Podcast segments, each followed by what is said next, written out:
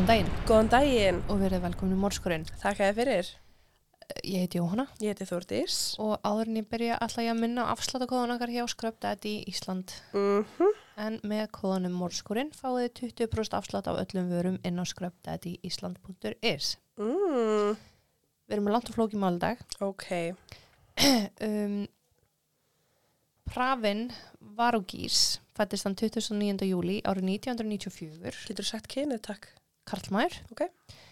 uh, í Evanston í Illinois og hann var sonur indveskra innflytjanda þau Lovely og Matthew. Hann var einn af þrejum bönnum hann Mm. átti tvær systur, eina yngri og eina eldri.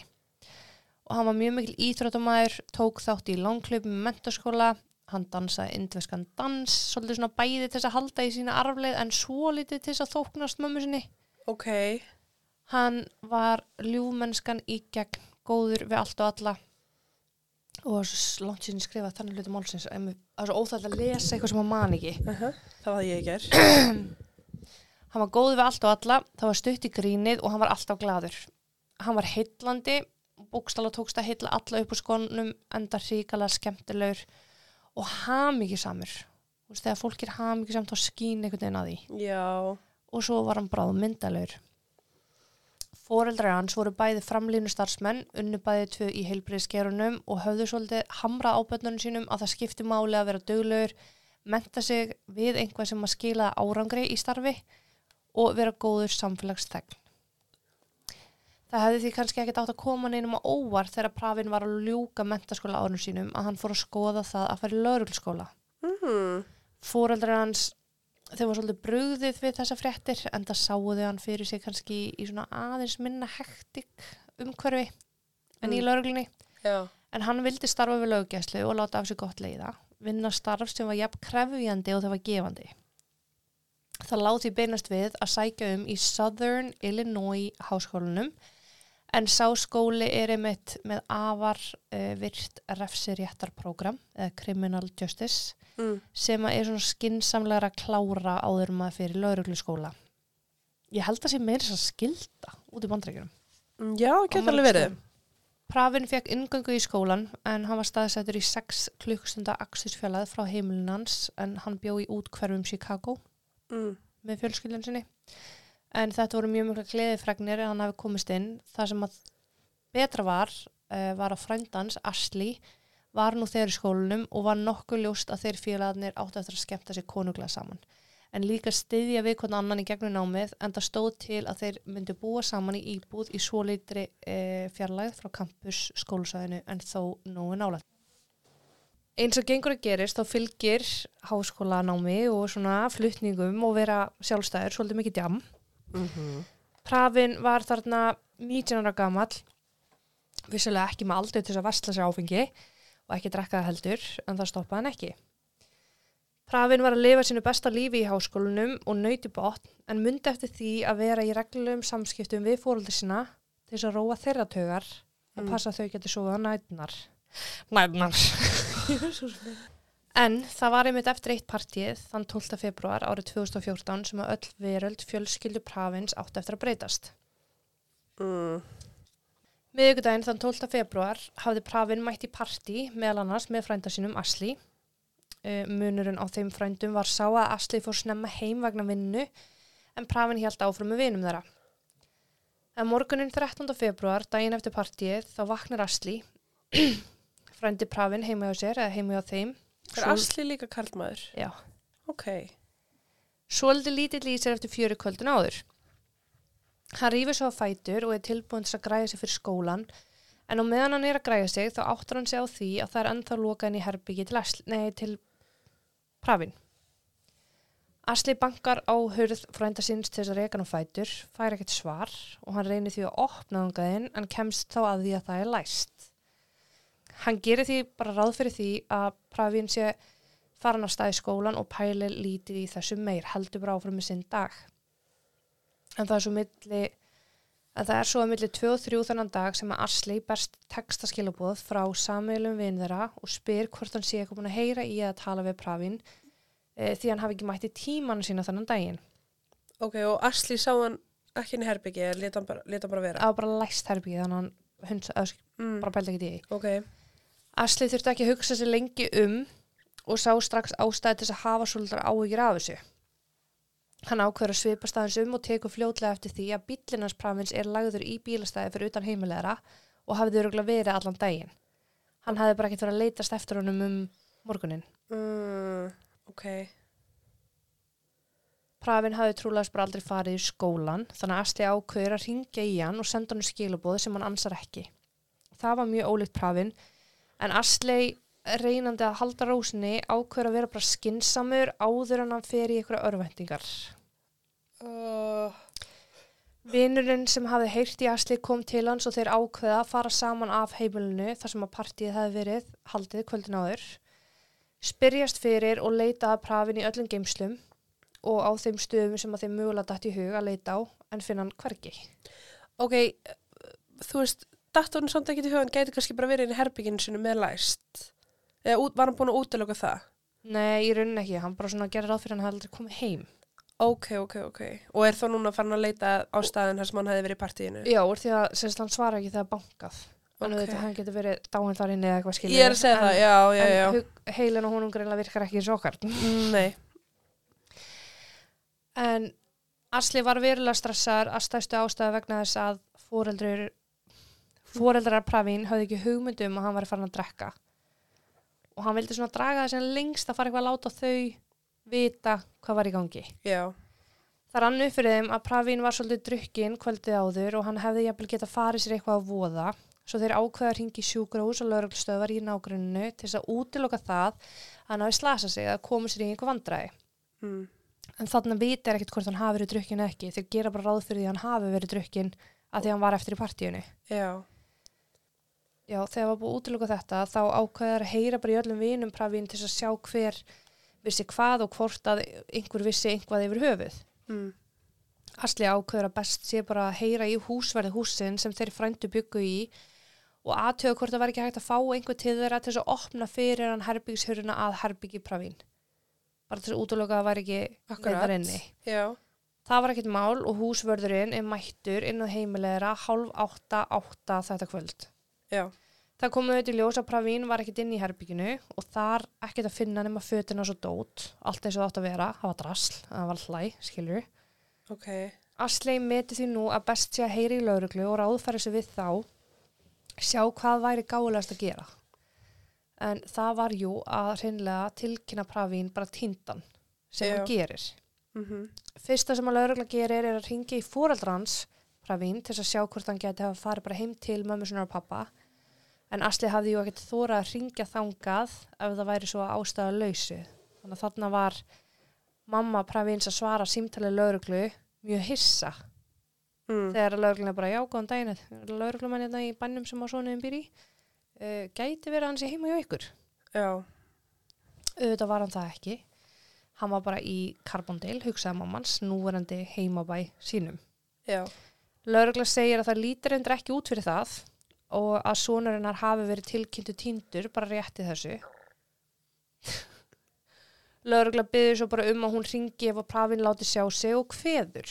Mm, Mamman slétt sér þessi svör ekki duga og hún lætur pappa prafins vita. Og áður en þau vissu af voru þau komin upp í bíl og að bruna til Carbondale þar sem að prafin bjó. Á meðan þessari 6 klukkstunda bílferð stóð þá ringd hún stanslust í svon sinn en nú var síminn orðin batterislaus. og hafði reynda verið þess frá því að Asley var að ringja frá því að Asley var að ringja í hann sí endurtekið. Að það sem að veldur áhyggjum líka er að á Twitter þá hafði Pravín skrifað eitthvað um rúmla miðnætti já. og ég var land í slag eitthvað, Mm, þá áttina. Ok, eitthvað bloody knuckles, blóður núvar já, hefur greinilega land í slag ok.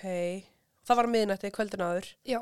Ok, Fóreldrar Pravín eru komnir á leiðananda um nóttina og eins og örgulega langflestir áhyggjufulli fóreldrar þá sækja þau Asley og fara með hann með sér nýra lauruglustöð seint um nótt eða bara snemma um morgun 50 daginn 14. februar. Þar er þeim tilkynnt að þau væri bara í fíluferð af því það var ekkert að hægt að gera fyrir að rannsóknar lauruglumenn væri mættir í vinnuna og það var ekki fyrir á milli 7 og 8 á mótnana. Þeim var því bara ráðlegt að koma sér fyrir hóteli eða einhver starf annar staðar en á lauruglustöðinni þar til að þau gætu rætt við einhvern sem gætu aðstöðu við leitina að sinni þeirra. Sistir Pravins hafði fengið upplýsingar um hvað var í gangi og hún hafði jú eðlulega gert þessu fórildsinir, hoppað upp í bíl og rakleiðist til Carbondale og það er svolítið það sem að gerist bara þarna strax. Mm Það bara hrúast öll ættin hans þeir sem að byggja í bandarækjunum og vinir og fjölskylduvinir á staðinn. Mm. Þegar klukkan slæri lóksinn sjö fara þau aftur á stöð og þar tekur á móti bara svolítið, svolítið hróki hróki og dónaskapur viðbröð lögregli eru svolítið bara svona "Ah, hann skila sér, hann er 19 ára hann var bara að djamma Já. hann er bara heim með okkur stelpu en samkvæmt mömmu Pravín þá vissi hann vel að ef hann myndi sleppa því að svara þá myndi hann vekja upp áhugju fórhaldsina svo hann myndi ekkit bara, þú veist flippa bara Nei og þannig líka að minnst að komið kvöldið, klukkan átta kvöldið eftir. Nei, já, það er komin í dagu núna, ég er að sko. segja, ég myndi ekki hann að hanga svo lengi hjá okkur. Nei. Ég er myndi ekki hann að hanga svo lengi heima á mér, held ég. Það líka. Þetta skila því að lauruglan kemur með þeim heim til Pravín til að lítast, bara lítast aðeins um. Skoðu hvort það væri eitthvað, en það var ekkert, af því það var bara allt mjög öðlegt. Mm. Laurugla ákveði samt að taka tölvunans og geta þannig skoða símagögnans líka, hluta af þeim allana, það hef- var eitthvað síng á milli tölvu og síma. Ok. Eins hvað og- árið er þetta aftur? 2014. Já, ok. En sömulegis tekst þeim að skoða bankareiknings yfirleitans Mm. og þeir komast að því að Pravin er ekki bara búin að e, ekki snerta bankakort sitt og hann var ekki heldur búin að ringja neinn símtöl síðan klann hálf eitt um nóttina að fara nótt 13. sem sama kvöld og hann fer í þetta partí. Og sendir á Twitter að lendi í slag. Já, Ok. og það var fyrir þetta símtöl sem hann á. Mm. Símtalið var til vinkunans sem að laurugla gaf sig á tal við svona til að friða fóröldar Pravin og það er svolítið það sem þeir eru að gera. Þeir eru bara eitthvað, "Oh, já, við skulum gera þetta þannig þegi. Þannig við láta ykkur í friði og skulum bara græða þetta. Já. En vinkonan segir að Pravin hafa alltaf verið mjög vanur að ringja í sig sent á kvöldin, sérstaklega ef hann var í glasi eða búin að vera að drekka. En þetta símtal var mjög undarlegt og hún hafði greinlega ekki verið búin að pæla í að fara með þessu upplýsingar neitt lengra. Ég hafði ekki gert sér grein fyrir að það væri mögulega eitthvað alvarlegt að baki. Já. En þegar Pravin ringdi þessa aðferðin á 13. þá svarar hún og Pravin segir strax ekki skella á, ekki skella á og í kjölfari einhver samskipti á milli Úrsla Pravin og annars Kallmanns, rödd sem hún þekkti ekki. Mm. Um, en Pravin er bara eitthvað, ég er bara að reyna að hjálpa þér og hinn er bara eitthvað, að skilaði mér þessu, veist, það er eitthvað svona orðaskipt sem er stað Ok. og hinn kallmærin er bara komdu með þetta, komdu með þetta svo heyri ekkert annað heyrist ekkert annað en bara svona umhverjusljóð eins og Pravin sé að labba eða hlaupa eða brasa eitthvað með síman í hendinni eða vasanum allan Mm. ekki upp eira því hún er ekki að heyri í hann um eitthvað andandi Mm -mm. hratt eða neitt svo leis Ok. Þetta er þarna hálfveitt. Vinkunan gefst upp á að býða eftir því að tala við Pravin og hún bara skellir á þrátt fyrir að hann hafi beðið um annað. En þetta auðvitað let, leit allt út fyrir það að vera bara eitthvað fyllir í símtal og stelpunni hafði ekki geta gruna það að hann myndi ekki skila sér heim þetta kvöld. Nei og líka bara hvað heldur ég er hann að hlusta á þetta. Þú veist það er bara að og ætla ekki að tala um hann en ekkert að tala við þig sko. Ég hef sko litla þólumæði fyrir ef ykkur svara símónum er að klára setningu við einhvern annan sko. Ég er að segja það. En þannig er komin, að núna er komin lögadagur, hann fyrir partí á miðugudegi. Á fimmtudegi veit enginn hvar hann er. Á fimmtudags kvöldi komast foreldrar hans að þessu og á föstudagsmotni er lögreglan tilbúin að ræða við þau. En þau hefur reynd að komast þarna inn á stöðuna til þess að ræða við einhvern aðfarnótt föstudagsins. Mm. Lögreglan gefur sig og ákveður að rannsaka en það komin kannski með meiri grundvöld fyrir því að skoða þetta betur og það er því óskað eftir því að leit sér framkvæmda svæðinu og það er óskað eftir þyrlum og hundasveitum til þess að ganga um svæðið í kringum háskólasvæðið og allt þar í kring í nálaði heimili prafin en það endist rosalega stutt Ok. af því þegar það var þegar það var svona ljóst að, að það væri ekkert að finna. Mm. að þá var eitthvað, við erum bara ekki með mannskap í þetta. Nei. þannig að samskiptin einhvern veginn breytast í skulum leita í jæja, hvenær ætlu þið bara að fara heim? Já. sem er náttúrulega umurlegt Mm en hér af vinum og fjölskyldu Pravín voru nátt- náttúrulega á svæðinu þannig að þau taka bara við leitinni og taka svolítið málum bara í sína eigin hendur. Þau safna saman pening 15.000 dölum til þess að bjóða upp á uh, í, hvað er það að hlæja? Dölum, ég veit ekki, þetta var skvítur. Dólarar uh, til þess að hafa sem veluna fyrir ef einhver skildi verið með upplýsingar um ferði prafin eða hvað hann getur verið niðurkomin en það er eitthvað svona ef þetta er sakamál þá þurfum við upplýsingar Já, þetta var orðað einhvern veginn þannig ok. háskólanars prafin var ekkert að skipta sér að þessu sem að fóröldurum hans fannst erfitt skólan var ekkert að hvetja til leitar eða tilkynna neitt sérstaklega nefandi við skólan væri týndur eins og eru fjölmiðlar ekkert, ekkert búin að pikka upp málið og núna eru þrýtaða liðnir. En það er vegna vin og ættingjaprafin sem að einhver kemst í samband við ríkistjóra Illinois ríki og segir henni frá því að þetta sé staðan. Þessi ungu maður týndur í þessum háskólabæ og lauruglan í bænum netti yngu Svo ríkistjórun ringir í lauruglustjóra lauruglustöðarinnar og les honum pistilinn sem verður til þess að laurugla auðvitað neyðist hálfpartin til þess að taka upp þráðin aftur. Og þarna eru þau í rosalega hvítu umhverfi indveski fóreldrar að leita indveska sinni sínum. Þannig að lauruglan þarf, veist, lauruglan er búin að vera að sinna rannsóknin illa og þetta lítur svolítið út eins og kynþáttahatur Já, eða þú veist, af því að þau eru brún og þá ætlum við ekki að skoða eins og þetta var kvítstelpa. mm. Og bara white girl syndrome. Nákvæmlega. Fjölskyldan fer kjölfari í fjölumöla til þess að vekja enn frekar aðtíkla á málunu og þetta er einhver sem að lögreglan sér sem óþarfi og jafnvel svona bara að væri að skemma rannsóknina. Já, Það var samt eiginlega engin rannsóknin gangi nema fyrir það að fjölskyldan var að toga í spotta hér og þar. Og það er nú trúlegast þeim að þakka og þess vegna sem að fyrsta ábendingin berst frá almenning. ok. Ég kem að ábendingunum sjálfuri setna. Ó, takk fyrir að segja mig frá henni og gera mig forvitna. En það er í kjölfar ábendingarnar. Mm. Það er þriði daginn 18. februar sem að fóreldrar hans Pravins er tilkynnt það að Pravin hafi bara verið sótálfaður, út úr dópaður, fengi far með ykkur vini sínum, nýtilkomnu vini og þeir tveir hafi endað í ykkur rifröldum, aukumæðurinn hafi stoppað bílinn og Pravin hljó, eh, hafi hlupið í, kjölfari út úr bílinnum og inn í skólendi sem var þar nálagt. Ok, Pravin, byttu, Pravin verandi, verandi drukkin áttaði sig ekki á því að hann var einingis klæddur í stuttramaból og stuppbuxur en þess að februar nótt verið mínus 17 gráður úti. Þeim er tilkynnt það að Pravin væri fundin og látin úr ofkælingu.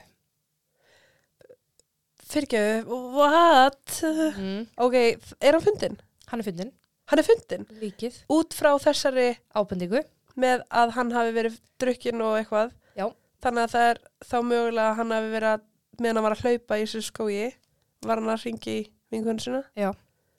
Og svo bara dóa hann úr afkælingu og bless. Máli búið, takk og bless. Nei. you had me there. Pravin finnst rúmlega 360 metrum frá þaðan sem að fóreldrar hans voru að gista á hóteli.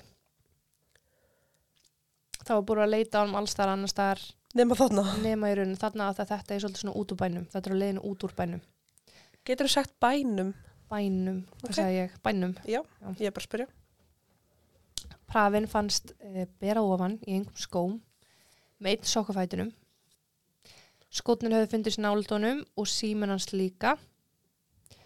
Uh, ástæða þess að pravin var ekki bólt höldu lauruglumenn vera vegna þessara skinnbrenglunar sem að verður þegar fólk verður fyrir ofkælingu eins og við rættum í þætti á þér um daginn. Mm En það hafiði verið einhver frændi þessa aukumann sem að steg fram með upplýsingar.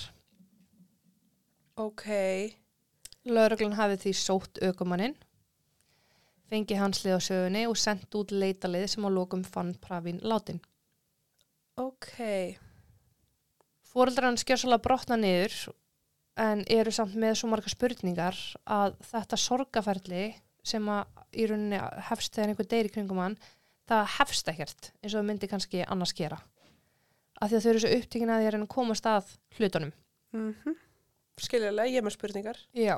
Hvernig stóðu því að prafin sem að þekkti svæði nokkuð vel, var í góðu formi og klári hausnum, hafi lappað inn í skólandi og ekki rata tilbaka?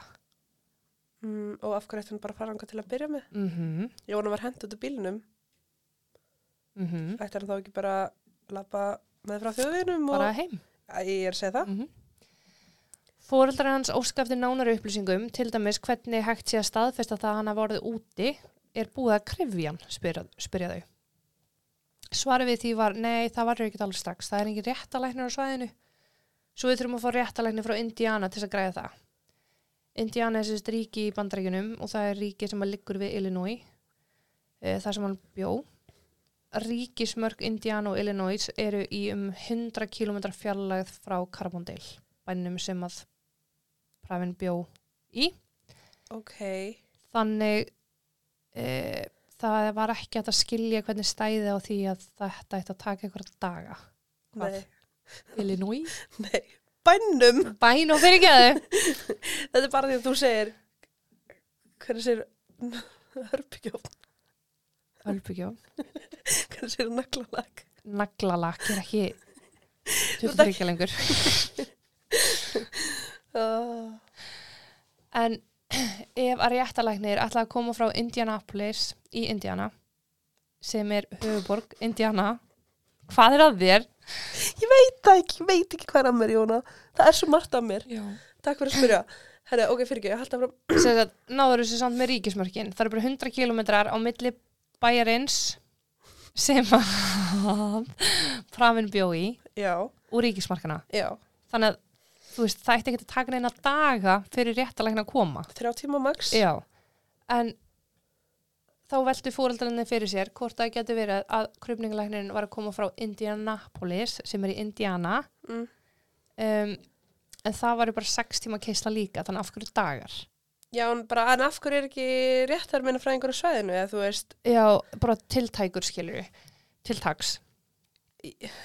Já, og líka bara, þú veist, er ekki mikilvægt að krifja hann sem allra allra fyrst? Ég má að halda það En það voru einhvern veginn engin svör á hendi svo fjölskyldan býðst hreinlega til að kaupa flugfar fyrir réttalæknin til að flýta fyrir ferlinu Mm. en það, hvort það er þegið er, eða ekki er ekki alveg vitað finnst Það mér er skrítið. Við erum með vandamál, ok, við erum til að leysa vandamáli. Nei, takk. Já.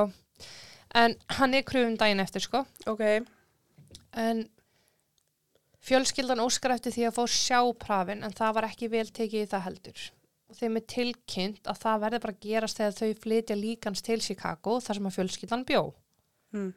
en það var ekki fyrir eftir ykkur daga heldu þau af því að það er ekki gert fyrir að krupningin var að lokið já, Þetta þótti þau mjög undarlegt því þau vissu vel að það þyrfti að einhver að bera kennsla líki sem að fannst. En lauruglan virtist ekkit vera að stressa sig neitt á því. nei, ok, kannski er þetta svona inn, kannski er þetta ekki svona Já, en við látið þið vita. Það, það fannst brúnt strákur dáinn í skóinum. Það eru öll svona þinn. Þetta var svolítið viðhorfið sem þau voru að fá. ok. Er það að segja mér þetta sé ekki hann? Nei, ég er endur ekki að fara að gera það. Það Litla plott tvistið maður. Mamma Pravin stressaði sig uh, samt og reif kjaft þar til hún fekk lóksins grænt ljós að koma og sjá svon sinn á spítalunum og það var þá sem hún fann að laurugla var að reyna að afveglega rannsóknuna að einhverjum ástæðum. Mm. Það fyrsta sem hún segir þegar hún sér svon sinn dáin, liggjandi með hvítt lag dreifið fyrir háls, var hver lamdi barni mitt. Ó, Pravin var með marbletti á enni og í framann og það er sko talað um að hann hafi, með svona, hann hafi verið með svona innfellingar og bungur á enninu eins og hann hafi orðið bara fyrir svona óbúslega höfuðagi. ok, bara með ykkur barefli. E, nei, þú veist, ekki talið, ekki vitað, bara allana þungt höfuðhögg.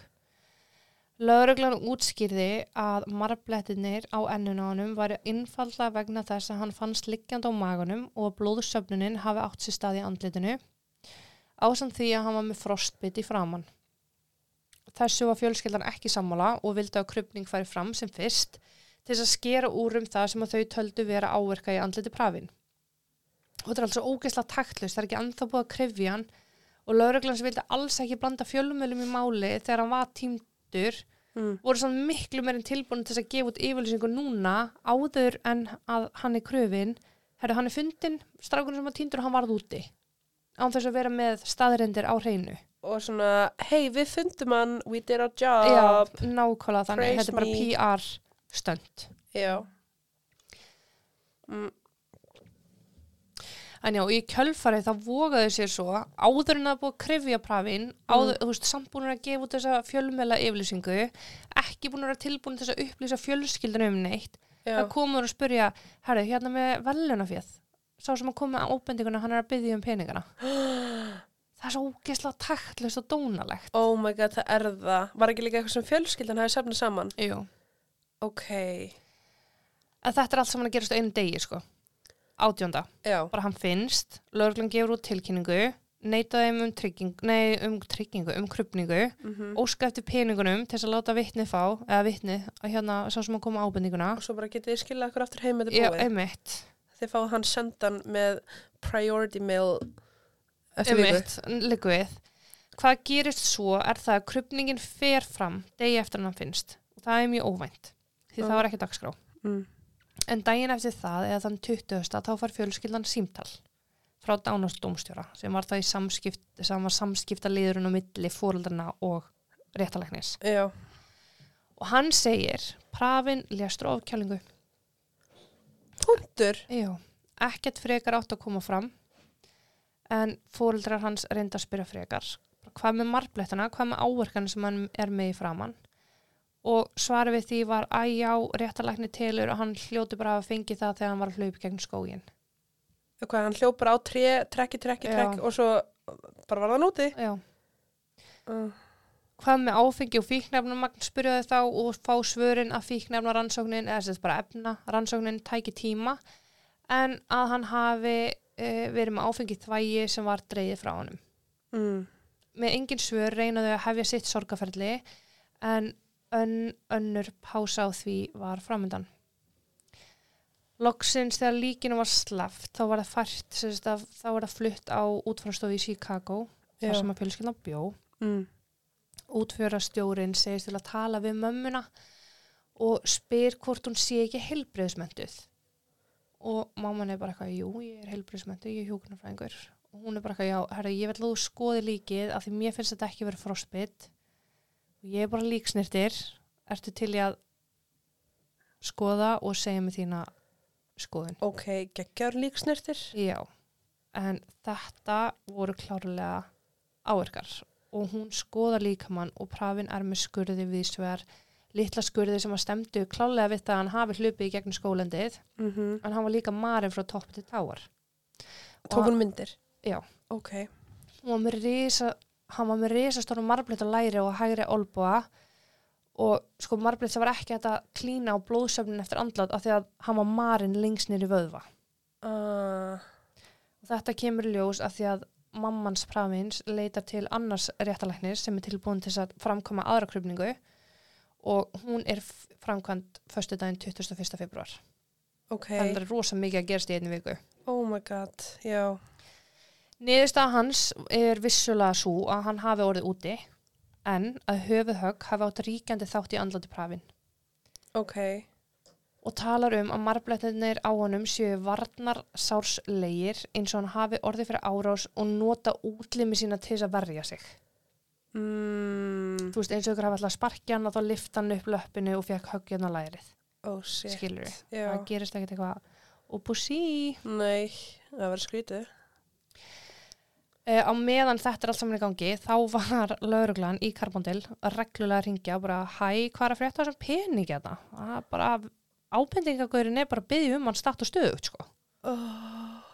og þau eru bara eitthvað við erum bara ekki að pæla í þessu Mm -hmm. en svo hugsaði aftur að klausan sem þau skrifa í auglýsinguna er að ef þetta er sagamál lauruglan er þarna búin að segja þetta sér slis þú veist að hann hafi dáið að því að hann var úti. Já, þannig að þau svona nokkuð til ná að fríja sig og fá frið með því að vera bara, þú veist, veluna fyrir á ekki við.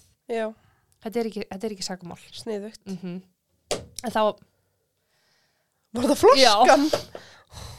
en það var bara en það var bara mjög óvart skilur að þetta hafi verið orðað svona og þau hafi getað hlýft sér á baka það sko. Sem er samt, já, já þú veist mega að jarða svon sinn fyrst, takk fyrir. já, nákvæmlega, eða bara þú veist ná andanum Mm -hmm. býð eftir að blekja á dánuvotturinu sér þurrt Einmitt. En á meðan þau býja eftir frekari niðurstöðum úr báðum krupningum, sem sagt eituröfnaprófunum aðala, þá fer fjölskyldan að vinna í því að láta endur upptaka málið sem sakamála rannsókn og þetta gera þau með því að ringja bara út um allt, búa til undirskriftasíður og uh, hrópa á samfélagsmiðlum og það voru fleiri sammálaðum að þetta var eitthvað skrítið. Þar á meðal útvarskona í Carbondale sem var meirinn tilbúin til að vekja aðtöklu á málunni í sínum útvarstætti. Mm. Og hún gerir það með því að tala um bara, þú veist, þetta eru niðurstöða krupningar, það er mjög ólíklegt út af ABC, hann hefði ratað úr skóginum. Hún fær vini prafins í þáttinn til að taka undir með sér og orðum fjölskyldunar og vekur bara svolítið aðtöklu á málunni og er að pressa Já. Auðvitað meikar miklu meiri sens að prafin hafi orðið fyrir höfuðhöggi, vankast og orðið úti heldur en að þessi íþróttamaður Mm. hafi getað labbað inn í skógin og ekki labbað tilbaka. Já. Hann var með varnar áverka, ekki voru trían og runnarnir að ráðast á hann með svo miklu heift. Í það ætla ég rétt að vona ekki. Nei. Að það er svo á þessum tímapunkti og ég skil eiginlega ekki af hverju, nú er ég búin að horfa ansi mörg myndbönd og hlusta ansi mikið og lesa ansi mikið, en lauruglan virðist gefa út uh, mælaborsmyndaf uh, myndavélar efni Já. frá lauruglubíl sem hafi haft afskipti af þessum bíl sem að prafin er talin hafi verið í árun og dó Mm. og það er sagt, þessi maður sem var með honum bíl hann er lagður út í kanti og eina sem sést á myndbandinu þá er að lauruglubílinn keirir upp að og hann leggur, lappar út úr bílnum Mm. gefur sér eitthvað að tala við ungan mann sem er ekki prafin og þeir eru eitthvað að ræða saman um, lauruglumannur sést svo kveiki á vasaljósunum sínu og lýsa svona bara, þú veist, inn í skógin Já. og það er að því að maðurinn í bílnum hafði sagt við lauruglumanni, já, ég var hérna með manni í bílnum og hann núna eitthvað starf hljóð út í skó Ok. en svo bara endar stuttum þessum stuttu samskiptum þeim líkur Og bara og lögga bara fyrr Ok. báði tveir sko á sama tíma Og hann líka, gæinn. já. Ok. þarna vaknum spurninga bara hvað gekk á, hvað sagði þessi aukumæður hver er aukumæðurinn og svo, þessi svo kallaði vinuprafin og nú er pressan svolítið færð á þann hluta málsins. En það kemur þá í ljós að aukumæðurinn er hinn 19 ára gamli Gage ungum maður sem að fjölskylda prafin vildi að væri rannsakaður sem grunar í máli prafin í ljósi niðurstaða úr setni krupningu þessir höfuðáverkar. Mér finnst hann samt núna eftir að hafa vita þetta eins og hann sé ekki grunnsalur. En þess að þannig er búin að stoppa hann. Hann er búin að segja um að hann hafi hlaupið út í skó. Mm. Hann er búin að, eða hann er ekki með fermistisönnun. Nei. Af hverju eitt hann að vilja, fattur hvað ég meina? Já. Og svo keir hann í burtu sem gefur okkur líka lítinn tímar að maður á það hafa ráðist á hann. Ekki nema hann koma aftur. Já, þetta kemur alltaf ljós Oh. vegna umfjöllunar á málinu í samfélaginu. Uh -huh. Þá er lögmaður á vegum ríkisins fenginn til að skoða málið til þess að venda hagsmunni begja aðala, sem sagt ríkisins og prafins. mm. Hann rannsakar í marga mánuði, tæft ár. Já. Kallar saman nefnd sem að fyrir við málið aftur að baka áfram, hvort það séu rauk fyrir því og grundvöllur að fara með málið áfram Mm. sem einhvers konar sakamál. Eða einhvern veginn bara, þú veist, opna rannsók til þess að sé að skoða hlutina því að þarna var fjölskyldan ekki eins og að geta fengið gögnin frá lögreglu. Já. Uh, 2015 þá kemur niðurstaðan að ekki sé tilöfni til þess að ákjæra Gates vegna aðstana. Og afsakið. En í hans niðurstöðu þá tekur hann fram að Pravin var búin að drekka að því sem nam fjórum til fimm bjórum í einu, einhvers konar, þú veist, uh, Shotgun. nei, hérna hvað heitir þessi drikkir allir spritzer, nei, seltser drikkir Já. sem að er bara, þú veist, náttúrulega sama áfengismagn og er í bjór. Mm fjóru til fimm svoleiðis, tvö skota rommi, uh, hann hafi sérst líka með bjóri hönd og hann hafi sérst spila björpong og bara yfir höfuð sérst allt kvöldi drekka áfengi. Og það sé raukinn fyrir því að hann hafi bara labbað ykkur út í bílnum, labbað út í skó og Og þetta er bara vitnisspuri fólks. Já, þetta er bara svona það sem að þeirra niðursta sem byggist á ykkur rannsókn. Og hvað hjálpi mér ef einhver var að fylgjast með magninu sem ég drekka á einu kvöldi? Já, en kikkurinn er hins vegar sá að eituröfnarskíslan var komin út þegar þetta gefið út. Ok. Pravin var ekki með neinn fíknefni neitt áfengi í sínu kerfi. Ok, gæti að hafa gufað upp. ekki á meðan dáin Mm. Ok, en það kom úr þvægin hans. mm. sagði krupningalæknirinn Já. Ok, mhm, vá skrítið. mhm það kom úr báðum eituröfna skýslum Þannig að þetta er bara ófengt partí. eitthvað, hefur það verið Mm. uh, eða þá bara hann var, ekki, var alls ekki að drekka En samt segja vitnið það. Já. Já. Eh, ég ætla að minna aftur á, hann var einn af fáum af öðrum kynþætti Ég, en allir aðri í þessu kvíta umhverfi þess vegna ætti hann kannski að vera meira ábyrrandi að ég myndi sjá, frekar taka eftir þér. Já, eða bara kynþátt að hatur Ó. Í kjölfarið af þessari skýslu þá óskar fjölskyldan eftir því að öll lauruglugögn séu afhend að þau vildi vita á hvaða gögnum er þessi skýsla byggð á Mm. hvaða vittnisspurðum er þessi skýsla byggð á Já, um, og þau óska eftir því að öll gögn séu afhend bara frá upphafi rannsóknar ef að rannsókn má kalla og lauruglan afhendi vissulega gögn bara ekki rannsóknargögn eða sönnunagögn mm. móðir Pravin fekk sendt samansapn af fréttagreinum úr fjölmjölum ok. lauruglan neitaði að afhenda formlegu gögnin. Já, af einhverju sem var ekki ópen rannsókn samt sko, heldur bara slis skrítið. Fjölskyldan ákveði því að þau þyrtu bara að blammera þessu út um allt og óska eftir fundi með borgarstjórn. Mm og þetta er sko í apríl 2016 tíminn er fyrir hann að líða. Hann deyr í februar 2014 Já, á þeim fundi sýnir móðir Pravins myndir úr krupningunni af áverkanum sem hann var með þá sérstaklega þessum marblettum á enni, læri og olbúa mm hún segir frá síni sínum þessum góða íþróttastrák sem átti framtíðana fyrir sér og vildi vinna í lauruglunni og þetta hefur einhver áhrif að því að mánuði setna er lauruglan tilbúin til þess að afhenda öll gögnin öll formlegu rannsóknargögnin. Ok.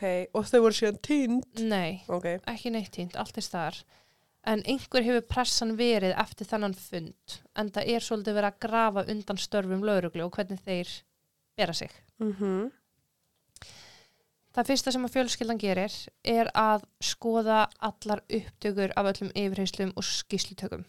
já, Og það er fyrst þá sem að fjölskyldan næra eins utanum hvað raunverulega átti sér staðan 12. februar árið 2014.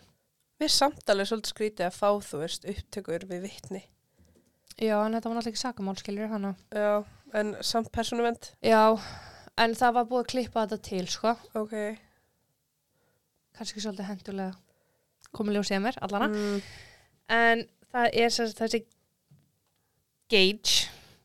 Og Það var keira. Já, og það er frendi Gates sem að kemur fram til lauruglu með ábendingu. Hann uh, var líka búin að vera að pressa og fá þetta verðlun fyrir. En- hann líka kemur fram með ábyrtinguna eftir að verðluna fyrir að gefa út. Já. Akkur talaði hann ekki fyrr. Uh, ég veit ekki, en í hans frásögn segir hann að hann ásann Gage hafi farið til Carbondale þann 12. februar í partí. Þeir byggu ekki í Carbondale, byggu ekki stöðar fyrir utan. Ok. Hann segir að hann sjálfur hafi kosið að drekka ekki og hann hafi ekki vitað til þess að Gage hafi verið að drekka heldur. Mm. einhver tímanum millir 10 um kvöldið og 12, 1 aðfara nótt 13. februar ákveðu Gates að hann vilji fara heim og segir þessum fröndur sínum að hann verði annarkvort að finna sér annað far, koma með sér eða finna einhvern annar stað til að gista á. Mm. Fröndin ákveður að gista í þessu húsi þar sem að partíið var. Morgunin eftir, eftir, morgunin eftir kom Gates og sótt hann og sagði sér frá því að hann hafi búið einhverjum gaur far sem hafa reynd að ræna sig svo hann hafi neðist þess að stöðva bílinn og þeir hafi lent í slagsmálum. Mm. Samkvæmt Gates hafi svo lauruglubíl keirt í áttina á þeim fyrir tilvílun og stoppað og þá hafi gaurinn sem hann hafi búið far hlaup út í skó. Það er í kjölfar þessara frásagnar sem að líki auðvitað finnst að þegar Gates gætt sagt frænda sinum hvar þetta gerðist og frændin fór til lauruglu og sagði þeim hvar. Mm. En hann var ekki að segja lauruglumanninum sem að stoppa hann að gæinn hafi reynt að ræna sig. Mm, jú, nei, Ok. það kemur aðeins, það kemur hann aðeins einna. Skýstu taka Gates frá 18. februar, daginn sem að lík prafin finnst, er svipuð en ekki alveg eins. Ok. Hann segir að hann hafi ekki verið í stuðu til þess að vera í partíinu og hafi til kosið að fara heim frekar. Hann segir að hann og frændans hafi verið að drekka. Frændin sagði að korki hann nýja Gage hafi verið að drekka. Vá, fyndið. Hann fer því úr miðnættinu samt, uh, hann ennir samt ekki verið aðna og fer úr miðnætti einhver starf í kringum miðnætti. Fyrir úr miðnætti í ykkur störu kringum miðnætti. fer úr partíinu einhverstaðan í kringum miðnætti Ok. uh, og það er fyrir utan partíið þar sem hann hittir Pravin fyrst. Pravin spyr hann hvort hann getur fengið far sem að Gage sagði að vera lítið mál og spurði bara hvert þetta fara og Pravin segir, æ, það er hérna bara rétt hjá. Mm. Og ástæða þess að hverju Gates vildi aðstofa Pravin var að stórum hluta vegna þess að hann var bara í stuttrumból og það var kallt úti. Já, ég var bara sví og það var kallt úti. Á þættinum. Þegar þau lögðu hins vegar að stað var Pravin ekki með neitt stað sem hann var raunverulega að fara á, samkvæmt Gates. Og hann var með mjög afveglegandi lýsingar á leiðinni. Bara beigðu hérna, beigðu hérna til vinstri, hérna til hægri, halda áfram hérna upp, æsnúðu við, eitthvað svona vesen. Ok. En það var eins og Pravin hafði ekki hugmynd um hvert hann var að fara. En Gates segir að Pravin hafi verið mikið til í símanum uh, til að reyna að retta sig kókaini.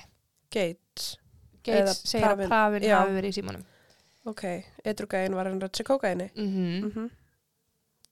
Gates segir að það hafi gefið honum ónóta tilfinningu að sjá að hann væri bara eitthvað guður sem að keipta sér kókain Já. og hann hafi viljað losna við Pravin og Það er bara svo hræðilegt fólk. já, alveg skellulegt og eftir hálftíma af þessu brasi segir hann við hann að hann verði bara að gefa sér eitthvað stað til þess að fara á af því hann ætlar ekki að keira stanslust með hann Ó, ég skil það alveg. Já, öðla. Pravin gerði það ekki, svo Gates segir, herru nei, ég ætla þá bara að keira henni út úr karbondil, ég átti heimilinu mínu. Og það er þá sem að Pravin verður reyður. Gates brást illa við að Pravin var að bræðast illa við og hann ákveður að stöða bílinn út í vegakanti við skólandið þar sem að Pravin átti síðan meir eftir að finna sláttinn. Mm. En samkvæmt Gates missir Pravin gjörsamlega stjórnarskapu sínu á með þeir sitin í bíl og hann slær Gates í andlitið. Já.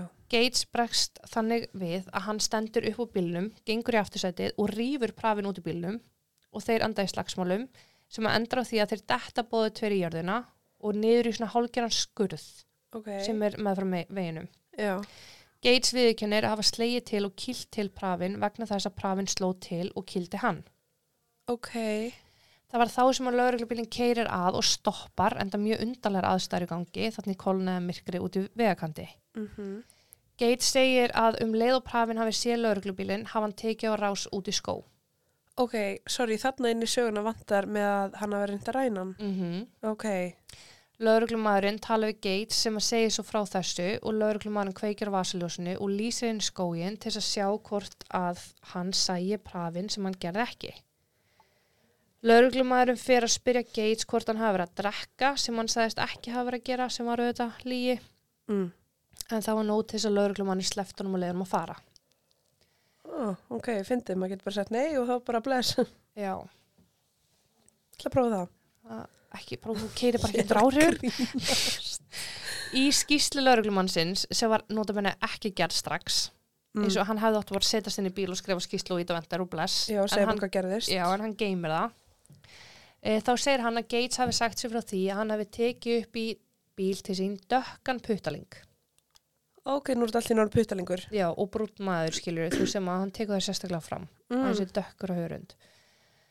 Um, eða hann segir endar svartur, Ok, ekki brúnn, og er þá að vísa í að hann hafi verið uh, African American. ok. En hann segir að putalingurinn hafi ráðist á sig þegar hann óskaði eftir bensínpenning eftir allt vesenið. Þannig nú komur enn önnsaga að Gates hafi byggðið Pravin um pening og Pravin hafi þórið brjálæður. Mm. Hann segir að putalingurinn hafi ráðist á sig og reynda rænan en þegar hann stöðvaði bílinn hafi putalingurinn hlaupið út og inn í skó. Þannig að þarna allt í nú voru þau ekki út í bílnum, heldur voru þau inn í bílnum að rífast. Já, og mér finnst það vera rosa mikið ósamræmi. Já, þetta er það, vissulega. Saga lauruglumanns og myndbandsupptakan frá yfirheyslunum stemma ekki alveg hérna. Nei. Og lauruglan kemst að því auðvitað og óskar eftir öðru viðtali við Gates og hann segir núna að hann hafi sjálfur hafi viljað kaupa kókain. Mm. Síðast sagði hann að það hafi verið prafin. Eins segir hann í þessari útgáfu að hann hafi tilkynnt prafin að hann ætlaði að keira út úr bænum en í fyrri frásögninni sagðist hann hafi gefist upp og keirt út úr bænum. Já. lítil smáadri sem skipta samt svo miklu máli. Hann er spurður af hverju sagður að hann hafi reynd að ræna þig og Gates segir þá að það hafi verið tilraun til þess að komast hjá því að vera tekinn fyrir að keira undir áhrifum. Var bara, þetta var það eina sem hann datt í hug sem er til þess að lauruglumari myndi kannski vorkjónun svolítið. Ok, þannig að þarna er hann að viðkynna að það var bara lígi með að hann hafi reynda að reyna hann. Og Já. sagan sem hann sagði setna Mhm. var svo saga sem að átt að hafa gerst. Núna er hann að segja að hann hafi viljað kaupa kókain. Mm, Þannig að það er í rauninni engin saga meika sansina að þetta er þrjálf mismundi sögur. Já, og Pavlin hafi bara verið í bílnum en hann var að reyna að kaupa kókain. Já, hann, nema bara hann fór aldrei út í bílnum skilur. Hann var bara að segja að hann hafi verið að leita sér á kókaini. Já, Það er bara auka, þú veist, það er bara viðbænding við söguna skilur. ok. Sem að er að fara í ringi Mm, mm og margar áttir. Sem ætti að vera grunnsalegt eitt og sér, að þú ert ekki með sögurinn og reynu, sko. Um eitt. Fjölskyldaprafinu vilja núna að einhver annar en lauruglan í bænum rannsaki málið og óskar enn og aftur eftir endur upptökum málsins. Bænum, bænum. Ég veit ekki hvað ég að segja, hvað meinaru? Í bænum, Í bænum. ég, ég veit ekki, þú ekki að segja þetta eitthvað bittlust, það er bara að finna hvernig þú segir þetta. Oh Það my leggur svo mikla áherslu ennið. Já.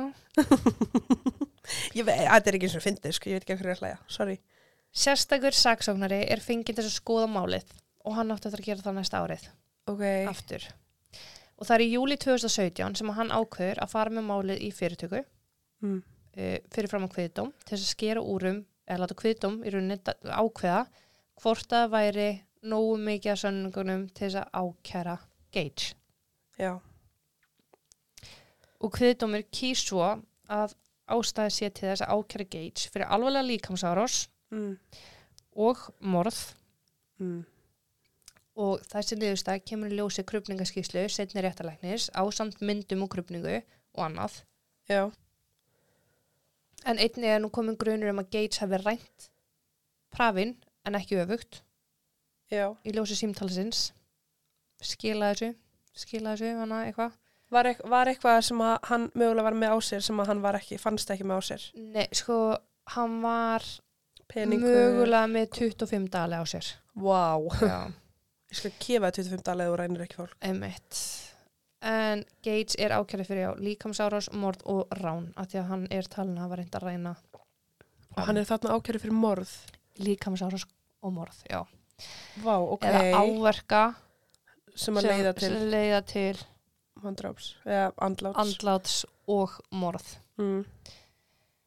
Við réttarhöldin mætir saksóknari vel undirbúin meðal annars með tweetin frá Gates í gegnum meðal annars með tweet frá Gates í gegnum árin þar sem hann er bara með verulega kynþáttaforduma ah, og málið er svolítið unni með það í ljósi að þetta hafi mögulega verið hatusklæpur og það var tilfinning sem að fjölskyldaprafin hafi haft í byrjun málsins að þau væri ekki að fá réttláta meðferð lauruglu mm vegna þess að þau voru brún. Og svo kemur ljósi viðtölum við Gates að hann er bara að segja ógæslega hluti veist, hann er bara eitthvað, "Á, ég veist ekki hvort ég verið örugum með svona manni og ég hef aldrei verið í kringum svona menn, þú veist, menn sem eru af mismöndi kynþátt en ég, I'm not used to these types of people. já, Eins uh, var sett út á það að myndböndin hafi verið klift til þegar þau komast í hendur fjölskyldu prafins og það er ekki að segja til um hvort að lauruglan hafi tekið þátt í þessu umtalið ekki. Af hverju Gates leið svona þægilega að tala svona um mannaður en kynþætti en hann sjálfur. einmitt. Það var loksins 7. júni 2018, fjórum árum eftir andlut prafin að réttarhöldin eru haldin og saksóknari Jarðar Gates finnst mér með því að ásagan um kynþáttahatur, með því að varpa ljósi á misræmi í sögunum hans. Um, prafin átti að hafa verið símonum rosalega mikið, sagði Gates, senda þetta SMS og eitthvað, en símagögn stuttu það bara ekki. Nei, Það var ekkert nema að skella á símtalið. já, Pravin var að kaupa kókain en í raun var það Gates. Gates var búin að segja að Pravin var að reyna að kaupa sér kókain en í Mhm. raun var það Gates. Og allt þetta sem hefði verið hann sagðist hafa látið hann vita hann að kera út úr bænum en svo í næstu sögu ég kerði bara út úr bænum. Þú veist það eru þessu litlu smáatriði mhm, sem að gera svo stór spurningumerki Kenning saksóknarans var svo að fyrir hlutu sögunar hafi jafnvel verið réttur. Ok, að þeir hafi kynst í þessu partí hann, Pravin hafi alltaf að fá far hjá Gates en hvað gerist svo nákvæmlega er enginlega að vita en einhvað verður til þess að þeir stoppa út í vegkanti er í, eiga í einhverjum orðaskiptum að þeir vinkunum Pravins heyri það í símtalinu þegar Pravin ringir í hann um nóttina. Já, það eru einhver slagsmál að því að. Pravin er með áverka og Gates hlýtur að hafa veitt Pravin nógu mikið högg svo að Pravin vankast og fer á ráf inn í skógin kannski reynda að flýja Gates en höfuhöggið er ástæða þess að Pravin er ekki fær um að ganga tilbaka já, sko ég skil það. mm -hmm. En sömulegis er ég bara eitthvað, þú veist, orsök aflengar, uh, tímamörk árásar, þú veist, allt sem að tengist inn í þetta er höggið afleng af andlátinu eða er, þú veist, ef hann varð úti, ef það er dánar orsök, þá er það svo erfitt að ákjæra hann fyrir, fattur hvað ég meina, Já, en sko höggið vankar hann þannig að hann tapar reyfigetu og já, hann, hann, já, hann tapar bara hefninni Mhm. að rata út úr aðstæðanum sem hann er í. Já, og Gates kýs að setjast upp í bíl eftir að er komin og keiri burtu. og keiri burtu. Já. Þar liggur brotið. Ásetningurinn, eða þú veist, já, En trúlegast ætlaði Gates ekkert að, þú veist, myrðan, já, en sko höggið veldu því að hann kannski missi meðvitund líka. já, Það er ekkert að staðfæsla að segja, en enga síður, aðstæðnar eru þannig að Gates kýlir hann í höfuðið já, og Pravin labbar í burtu og í kjálfæri deyr hann. þannig er einn mandrapa gálisi. Já, þetta er, já. Eftir tveggja vegna réttraöld og sjö tíma umhugsunum tíma kviðdóms, þá kemur kviðdómum tilbaka og niðurstaðan þeirra er að Gates er segur um hættulega líkansárás sem að spila þátt í andláti, andláti Pravin. Já, 20 ár í fangelsi er það sem að gæti verið framöndan. ok, Og það er mikill léttir sem að fjölskyldan finnur lóksins fyrir. Nú var bara að býða eftir að vita hver refsingin er þið og þó svo, þú veist, þetta er náttúrulega bara, þau eru heldur aldrei ásaka Gates sem hann hafi myrtan. mm Heldur að hann er orsök að andladans. já, Þannig að þau eru ána með það að hann hafi bara hlotið einhvers konar refsingu. já, Ekkert náttúrulega, þú veist, það er bara dóm, að bara það sem viðurkennt það sem þau voru að halda fram allan enn tíma. mhm, En Gates ákveður að reka lögfræðingi sinn og það var einn mjög klára lögfræðingur sem að ákveður að áfriða vegna bara svona technicalities, bara smáadriðin, hvernig orðalagi var, uh, hvernig orðalagi var í ákærunni sem að kviðdómurinn var að skera úr um. ok, Og dómari tekur þetta til greina og yfir fyrir efnið og þegar hann er búin að því og fyrir yfir áfrýjuna beðina þá kallar hann til allar aftur og er tilbúin með sína niðurstöðu. Gates gengur inn í dómsali í venlum fötum og ekki handjárnum mm. sem var mjög undarlegt en átti að útskýrast ansi fljótt. hann var laus allra mála, Dómari byrjaði að dómsóri sína á stór hluti ykkar á eftir að verða fyrir verulegum vonbröðum í dag og ef, ef þið ekki treystið ykkur í að hlusta á það sem verður sagt hér inn í dag þá legg ég til að þið standu upp og lapið út. Hann heldur á sem hann segir saksóknari gerði enga villur og það er ekki um neinn misferðla að ræða. Það eru meiri segja sannanir til staðar sem að e, sanna það að Gage hafi einhvað með andlát præfin að gera. Og þetta voru fullkomur rétturöldu öllu leiti nema, hins vegar er setningavilla uh, ein komma vantar í ákjöruna sem veldi því að hann efast um að skilningu kviðdóms hafi verið, hafi verið til staðar uh, með því að lesa ákjöruna og í réttarhaldunum af þeim sögum gengur Gage Bethune sem frjálsmaður hér út í dag hættu í mér. ein komma Ok, þannig að þegar hann segir saksónur gera ekkert vittlust, jú, saksónur gerði eitthvað fokkin vittlust, af Já, því hann dætti ekki huga að setja svo kommu. þetta er samt eitthvað sem að það er ekkert allir sem endla reyna á að gera sko Nei, en þetta er samt svo oft, sko, vegna þess að, þú veist, þú ert bara að fara yfir mm -hmm. Oh, ákæruna svo oft til þess að vera 100% vissum að hún sé, Já, en það var líka orðalagi sem var svo óheppilegt að því að sko það eru, og hvernig ég skild og það, það er mismöndu hvað podcastin og myndböndin og heimildmynd allt er að segja en það er eins og þessi hann er ákjærðu fyrir hættilega líkamsáras sem verður honum að bana já, og morð. Þú getur ekki tvítrykkt í svona, Nei. þú veist. En það fór alltaf hliðina Uh út af þessu. Fjölskyldaprafin var auðvitað brjáluð og saksóknari lofaði því að hann ætlaði að endursækja málið og fara með þetta leið. En hingað eru komin í dag og það er ekkert að frétta. Oh shit. Fjölskyldan er búin að ákjara uh, laurugluna og aðra fyrir wrongful death Mm. en það hefur ekki gæst neitt í því. Þeir eru búin að kæra lörgla. Kæra laurugluna, hvað segi ég? Ákjara, já. Þau eru búin að kæra laurugluna og hérna fyrir wrongful death eða óréttlátan óréttlátt andlátt Já, einmitt, þetta er náttúrulega ekki... Nei. En það er ekkert að frétta úr því og þetta er óbúslega erfitt mál og vissulega staðan er og staðurindin er svo. Þetta hefði aldrei farið svona ef að prafin hefði ekki verið kildur. Mm -hmm. Stundin þarf líka bara ekki nema eitt högg, sko. Það er nákvæmlega svo les. Mm. En það er líka svo margt í þessum máli sem er svo leiðilegt bara. Þú veist, mamma prafin, eh, henni hefði dreymt nóttin eftir að lauruglan sagðist ekki hafa mannskap í leitina Já. að hún hafi séð són sinn detta út í bíl og ferð. Og í hennar menningu er það þannig að ef draumar gerast á mótnana þá eiga þær eftir að rætast eða hafa nú þegar komið fyrir. Svo hennar á ekki margfaldast þegar hún vaknar bókstala upp við ljótan draum. Og hún fyrir með þessar upplýsingar í sakleysu sínu til lögreglu Uh sem eru bara eitthvað, ertu eitthvað ruggluð, Já. þú veist. Og mér langar að segja skiljanlega, þetta er draumur, Mm -hmm. en enga sír, þeir hefði bara mátt tala meiri virðingu Við hana. Já, og hennar menningu og þú veist, Uh hennar það sem hún þekkir og já, æ, þú veist þegar að præminn deyr þá faraði með kross á staðin þar sem hann finnst látin Já. og hérna og þau voru svo hissað líka bara hvernig átti hann að komast í gegnum þetta allt sem hann var svona óbúslega sótölver sem var náttúrulega afsannað þegar komið ljós að hann var ekkert sótölvaðir Mm en lögreglan var að vinna í svo miklum svona æðubunugangi Já. hann var bara fullur, 19 ára krakki -hmm. ekkert á hann, Jesús. hann bara var úti hann er bara heimskur og vittlurs Jésús minn. en það er náttúrulega rosalega mikið í umræðinni hvort að þau hafi fengið svona meðferð því að þau eru innflytendur og af því að prafinu var brútt Já.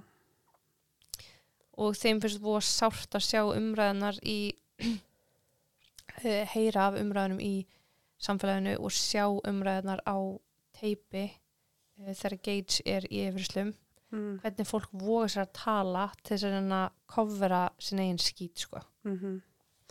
bara nei á, ég mátti þú veist, haga mig svona að því hann er svona á litin Já. sem er svo skelfilegt sko. Oh. En fjölskyldan er ennþá dæn dag að reyna að vekja aðtekla málunni uh, að því þau vilja að hann verði sótt til saga Mm -hmm. Gates eignaðist dóttur á þessum tíma sem að eh, frá því að hann deyr og þangur til að hann er að sleppur við fangilisdóm Mm. og það er hluta því líka sem að var tekið inn í uh, Myndina. myndina já til þess að ákvara hver hans framtíð yrði Já. og að er nú sjálfsögðu líka bara batn í spilinu sem Já. er saglust. og auðvitað er það dásanlega að stelpa hann fá að alast upp með lítinn pappa en maður það líka að horfa í hvert er rétt með lítinn pappa ég er svo þreytt Ég held að hans ekkert eitthvað lítil, skilur við. Ekki að skipta ykkur máli. auðvitað er það voða gott skilur að lítil stelpa fá alast upp með pappa sinn Já. En það er líka skelfilegt að fóreldrar þurfa að horfa eftir barnanu sínu vita að það ber ykkur ábyrðaði að einhver hluta Og réttlættinu er ekki. náð. en það þarf ekki ekstra ábyrðaði sko. Mhm. en þetta var málega sprafin Shit balls. þetta flokkast á mörgum stöðum sem djölfjöld döði Mm, já, ég myndi alveg halda það. Ég myndi halda það, sko. og því að það er rauninni og sko uh, dánar atvik eru skráð sem undetermined, bara þau vita ekki Já, og hann verður eiginlega brúti mm -hmm. af því hann náttúrulega bara verður ófærum að en það er rosa hallarinslegt samt, þú veist ef ég myndi stinga þig og þú deyrðu blóðmissi uh þú dóst úr blóðmissi að því ég stakk þig Akkurat, það er sem ég er að segja. já, Hann varð úti út af því hann var kildur. veist, þess, það er það sem ég er að að segja með tímamörk árásar. Þetta er bara alveg sem með Judy. Hún var brend og hún lést nokkru mánuðum síðar já, en það var afleggingin af því að hún var brend sem hún lést þó svo hún hafi ekki látist á staðnum, skilur. já þetta er svo skrítið Mm Já, Jöss. Ég ætla bara fara að græna í kottan. og takk fyrir mig. Takk í dag og takk, og Takk og bless. bless.